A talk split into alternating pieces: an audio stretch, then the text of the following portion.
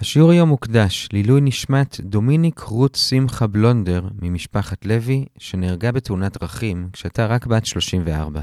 דומיניק עלתה לארץ מצרפת מתוך תחושה של שליחות וציונות, אהבת הארץ והאדם. נודה לכולכם אם תלמדו לעילוי נשמתה. שלום לכולם, אנחנו לומדים את דף ל"ז במסכת סוטה, באתר sny.org.il. אנחנו מתחילים שתי שורות לפני סוף העמוד הקודם, ונסיים במשנה בסוף עמוד ב'. השיעור היום יהיה רבע שעה. גם היום אנחנו ממשיכים באופן כללי את הנושא של אתמול עם הברכות והקללות. היום נחלק את השיעור לשלושה חלקים. בחלק הראשון נראה נושא אגבי, וזה קידוש שם שמיים של שבט יהודה. בחלק השני נראה איפה עמדו בברכות והקללות, ובחלק השלישי נראה את התוכן של הברכות והקללות. אז אנחנו מתחילים בחלק הראשון. נזכיר שאתמול, תוך כדי הדיון על איזה שבטים כתבו בכל אחת מאבני האפוד, דיברנו על זה שליוסף הוסיפו אות, וזה בגלל שהוא קידש שם שמיים. ואגב, זה גם אמרנו שיהודה כולו נקרא על שם השם, כלומר יש בתוכו את האותיות י' כ' ו' כ', וזה כי גם הוא קידש שם שמיים, אבל לא בסתר, כמו יוסף, אלא בפרהסיה. איפה הוא קידש שם שמיים בפרהסיה? אז קודם כל נזכיר שבי' עמוד ב' ראינו שיהודה קידש שם שמיים בפרהסיה לגבי תמר, כשהוא אמר צדקה ממני, זה מה שראינו שם.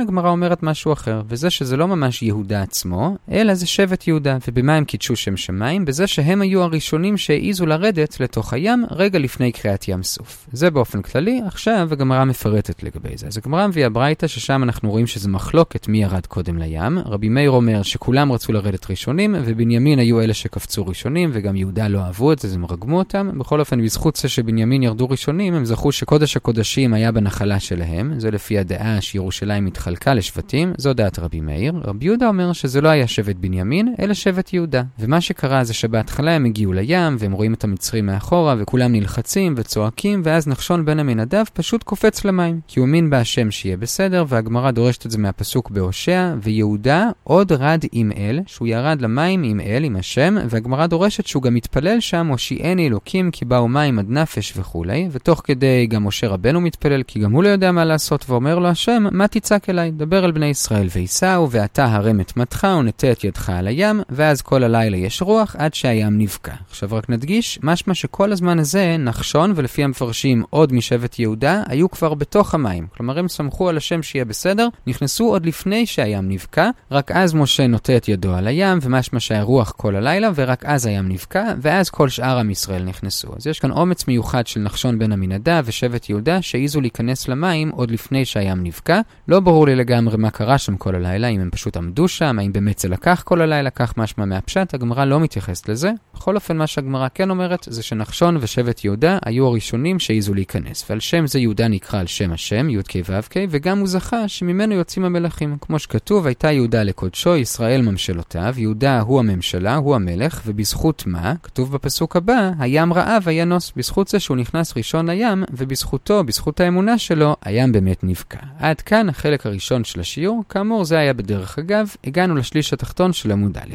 בחלק השני אנחנו שוב חוזרים לנושא של הברכות והקללות, והפעם לגבי איפה עם ישראל עמד ואיפה המברכים עמדו. אז הגמרא מביאה ברייתא, נחלקת הברייתא לשני חלקים. החלק הראשון מניח שהמתברכים עמדו על ההרים, והמברכים עמדו למטה, וממילא שואלת הברייתא, יש כאן בעיה בפסוקים לגבי הלוויים. הרי מצד אחד בדברים כ"ז כתוב, אלה יעמדו לברך את העם על הר גריזים בעוברכם את הירדן, שמעון ולוי ויהודה וכולי. כלומר, שבט לוי הם על ההר, גם הם מהמתברכים. מצד שני, שני פסוקים אחרי זה כתוב, וענו הלוויים ואמרו אל כל איש ישראל. כלומר, לוי הם אלו שמברכים, אז הם למטה. אז איך הם היו גם למעלה וגם למטה? עונה הגמרא, הם התפצלו. כלומר, חלק מהלוויים היו אלו שלמטה שברכו, וכל שאר הלוויים עמדו יחד עם שאר השבטים למעלה והתברכו. עכשיו, מי זה הלוויים שהיו למטה? אז רב אליעזר בן יעקב אומר שזה היה זקני הכהונה והלוויה, רבי הושעיה אומר שזה היה כל הלוויים שראויים לשרת במקדש, כלומר כל הלוויים בין גיל 30 ל-50, בכל אופן, חלק היו למטה וכל השאר למטה. עד כאן החלק הראשון של הברייתא. עכשיו, כאמור, זה לפי ההנחה שהמתברכים היו למעלה והמברכים היו למטה. עכשיו, בחלק השני של הברייתא, הגמרא מביאה דעה נוספת. בפשטות משמע שזה לא בא לתרץ את עניין הלוויים, אלא פשוט עוד דעה בנושא הזה, וזה שיטת רבי. רבי אומר שכולם היו למטה, גם המברכים וגם המתברכים. איך הוא מסתדר עם הפסוקים? אז קודם כל נעיר בסוגריים שהאמת היא שעם ספר יהושע הוא מסתדר מצוין, כי שם בפרק ח' משמע בפשט שבאמת כולם היו למטה, כי כתוב שם וכל ישראל וזקנה ושוטרים וכולי, חציו אל מול הר גריזים, והחציו אל מול הר עיבל. משמע אל מול ולא על ממש, זה עם יהושע, אבל איך הוא מסתדר עם ספר דברים? הרי שם בפרק כ"ז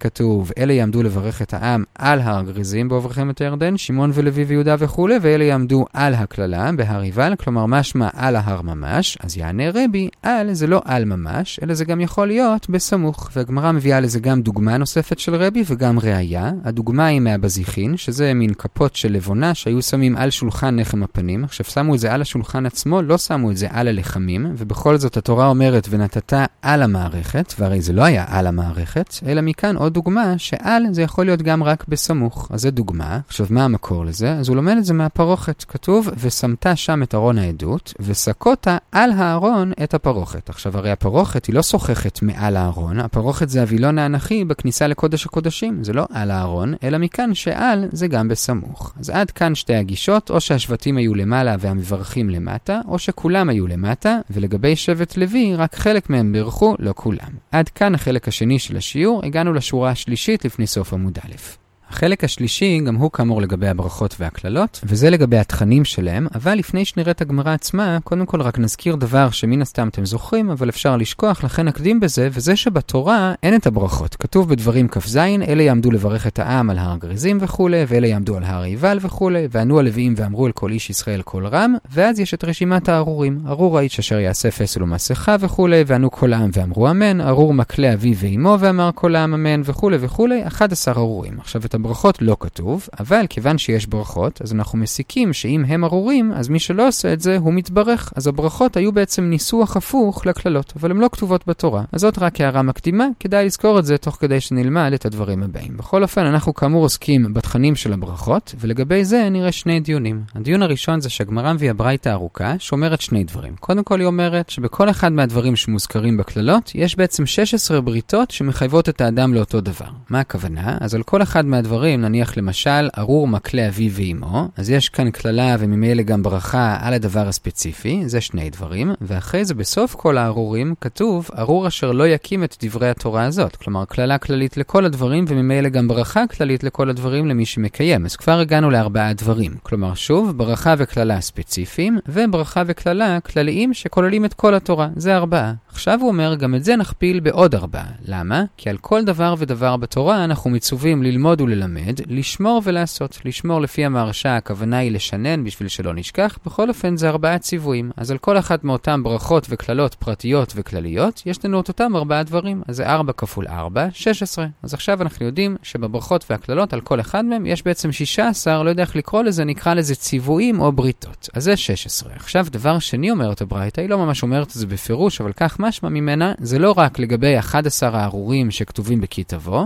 אלא זה לגבי כל המצוות בתורה. על כולם יש את אותם 16 דברים, ברכה וקללה ספציפיים וכלליים, וללמוד וללמד, לשמור ולעשות. אז זה על כל המצוות. עכשיו, דבר שלישי אומרת הברייתא, כיוון שזה על כל המצוות, והמצוות נאמרו לעם ישראל באופן כללי כולם שלוש פעמים, עוד רגע נראה מתי, אז יוצא שעל כל אחת מהמצוות נאמרו 16 כפול 3 בריתות, כלומר 48 לכל אחת מהמצוות בתורה. עד כאן השלב הראשון בברייתא, עכשיו את כל המשך הברייתא אנחנו נתאר כשתי הערות על השלב הראשון. הערה ראשונה, אמרנו שכל המצוות ניתנו שלוש פעמים לעם ישראל. איפה? אז כאן יש מחלוקת. דעה ראשונה אומרת בסיני, בערבות מואב, כלומר בספר דברים, ובטקס הברכות והקללות, שבעצם נעשה כבר על ידי יהושע. דעה שנייה זה רבי שמעון, הוא אומר שבטקס של הברכות והקללות לא נאמרו כל המצוות, אלא רק את הארורים שנאמרו שם, ולכן שלוש הפעמים זה בסיני, באוהל מועד, כלומר בתחילת ספר ויקרא, כשכתוב וידבר השם אליו מאוהל מועד, אז הוא דורש שבעצם כאן משה אמר לעם ישראל את כל התורה כולה, למרות שזה לא כתוב בפשט, ופעם שלישית, גם הוא מסכים שזה בערבות מואב בספר דברים. אז שוב, כולם מסכימים שבסיני ובערבות מואב נאמרה כל התורה, ובכולם יש את 48 פעמים. לגבי מה הפעם השלישית, אז תנא קמא אומר שזה בקללות וברכות על ידי יהושע, ורבי שמעון אומר שזה על ידי משה באוהל מועד בתחילת ספר ויקרא. עכשיו, ממש בסוגריים, הגמרא מביאה ברייתא נוספת, והיא אומרת שהמחלוקת בברייתא הנוספת היא כמו המחלוקת כאן. המחלוקת שם זה מה נאמר בסיני ומה באוהל מועד. רבי ישמעאל באותה ברייתא אומר שבהר סיני נאמרו רק קללות, כלומר ציוויים כלליים, אבל עוד לא פרטים. הפרטים נאמרו באוהל מועד. לפי הדעה הזאת, הר סיני ואוהל מועד זה בעצם רצף אחד, ואנחנו לא יכולים להחשיב אותם כשתי אמירות נפרדות של המצוות. כלומר, זה כמו תנא קמא מהברייתא שלנו, שהוא לא סופר את אוהל מועד בפני עצמו. לעומת זאת, רבי עקיבא אומר שגם בסיני נאמרו כבר כל הפרטים, וגם באוהל מועד. כלומר, זה כן שתי אמירות נפרדות, אז הוא כמו רבי שמעון בברייתא שלנו, שספר את אוהל מועד כפעם בפני עצמה.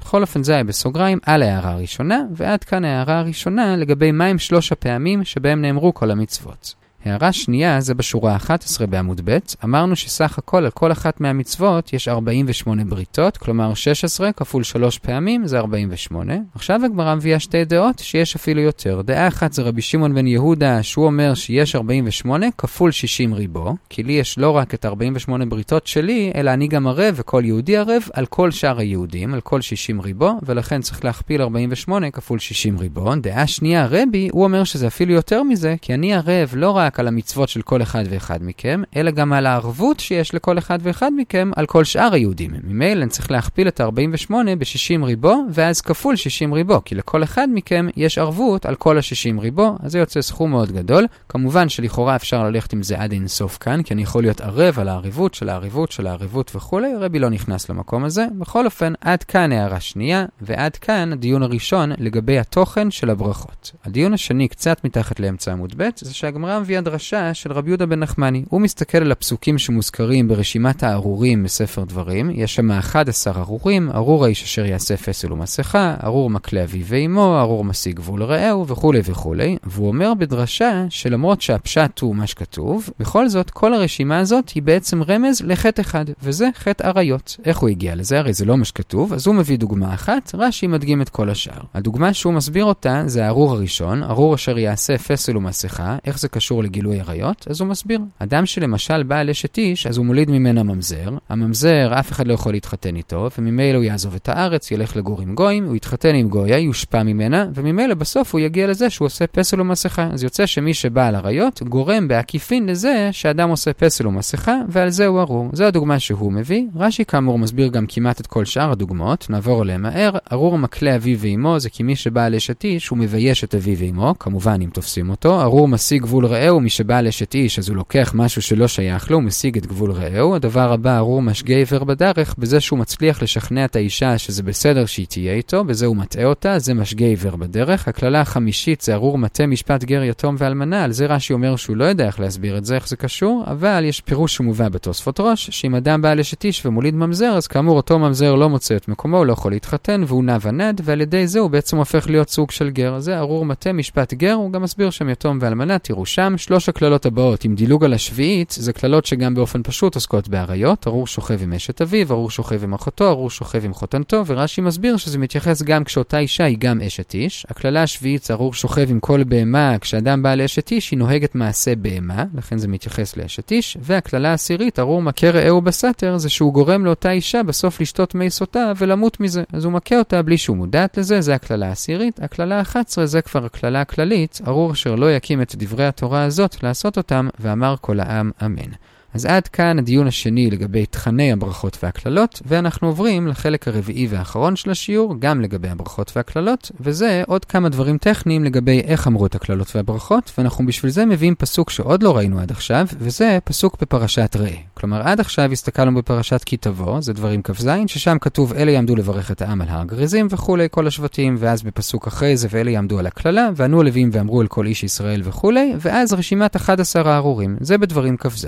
לעומת זאת, בדברים י"א כתוב כך, והיה כי הביאך השם אלוקיך אל הארץ אשר אתה בשמה לרשתה, ונתת את הברכה על הר גריזים, ואת הקללה על הר עיבל. והגמרא מביאה שני דברים שאנחנו לומדים מאותו פסוק. דבר אחד אומרת הגמרא, אנחנו לומדים את הסדר, כלומר, קודם כל ברכה, ורק אחרי זה קללה. עכשיו, אם זה היה רק זה, את זה עקרונית יכולנו ללמוד גם מכי תבוא, גם שם קודם כתוב את הברכה ואז הקללה. אבל הגמרא כאן אומרת יותר מזה, אנחנו לא אומרים את כל הברכות, ורק אחרי זה את כל הקללות, אלא כל פעם אומרים זוג, כלומר את הברכה והקללה שכנגדה. כלומר, למשל, ברוך מי שלא יעשה פסל ומסכה, ואז ארור מי שכן יעשה פסל ומסכה. אחרי זה ברוך מי שלא מקלה את אביו ואמו, ואחרי זה ארור מי שמקלה את אביו ואמו, וכך הלאה כל פעם אחד. איך לומדים את זה? כי בפסוק שם, בפרשת ראה, כתוב, ונתת את הברכה, לשון יחיד, ואת הקללה, גם לשון יחיד. כלומר, כל פעם ברכה וקללה אחת. זה דין אחד. הדין השני שלומדים מאותו פסוק זה שאפשר לעשות כאן היקש בין הברכה לבין הקללה. בניגוד לפרשת כי תבוא, ששם הם בשני פסוקים נפרדים, אז אי אפשר, כאן כן אפשר. עכשיו, למה זה עוזר לנו? כי הרי כאמור, בכי תבוא, כל הדינים שכתובים, כתובים שם לגבי הקללות. מאיפה נדע שאותו דבר גם לגבי הברכות? אז בשביל זה יש את ההיקש. מה הדינים שלומדים מההיקש? הגמרא מביאה חמישה דינים. דבר אחד זה שהלוויים אומרים אותם, גם את הקללות, וממילא גם את הברכות. דבר שני, שגם את הברכות הם צריכים לומר בקול רם. דבר שלישי, שגם את הברכות צריכים דווקא בלשון הקודש. דבר רביעי, שגם בברכות יש כלל ופרט. כלומר, שכמו שבקללות הארור האחרון זה ארור אשר לא יקים את דברי התורה הזאת, אז גם בברכות צריכים להוסיף ברוך אשר יקים את דברי התורה הזאת. ודבר חמישי, כמו שבקללות כל העם אומרים אמן, גם מי שעל הר גריזים וגם מי שעל הר עיבל, אז כך גם בברכות. אלה הדינים שלומדים מההיקש, ועד כאן החלק הרביעי והאחרון של השיעור. בזה הגענו למשנה בעמוד ב',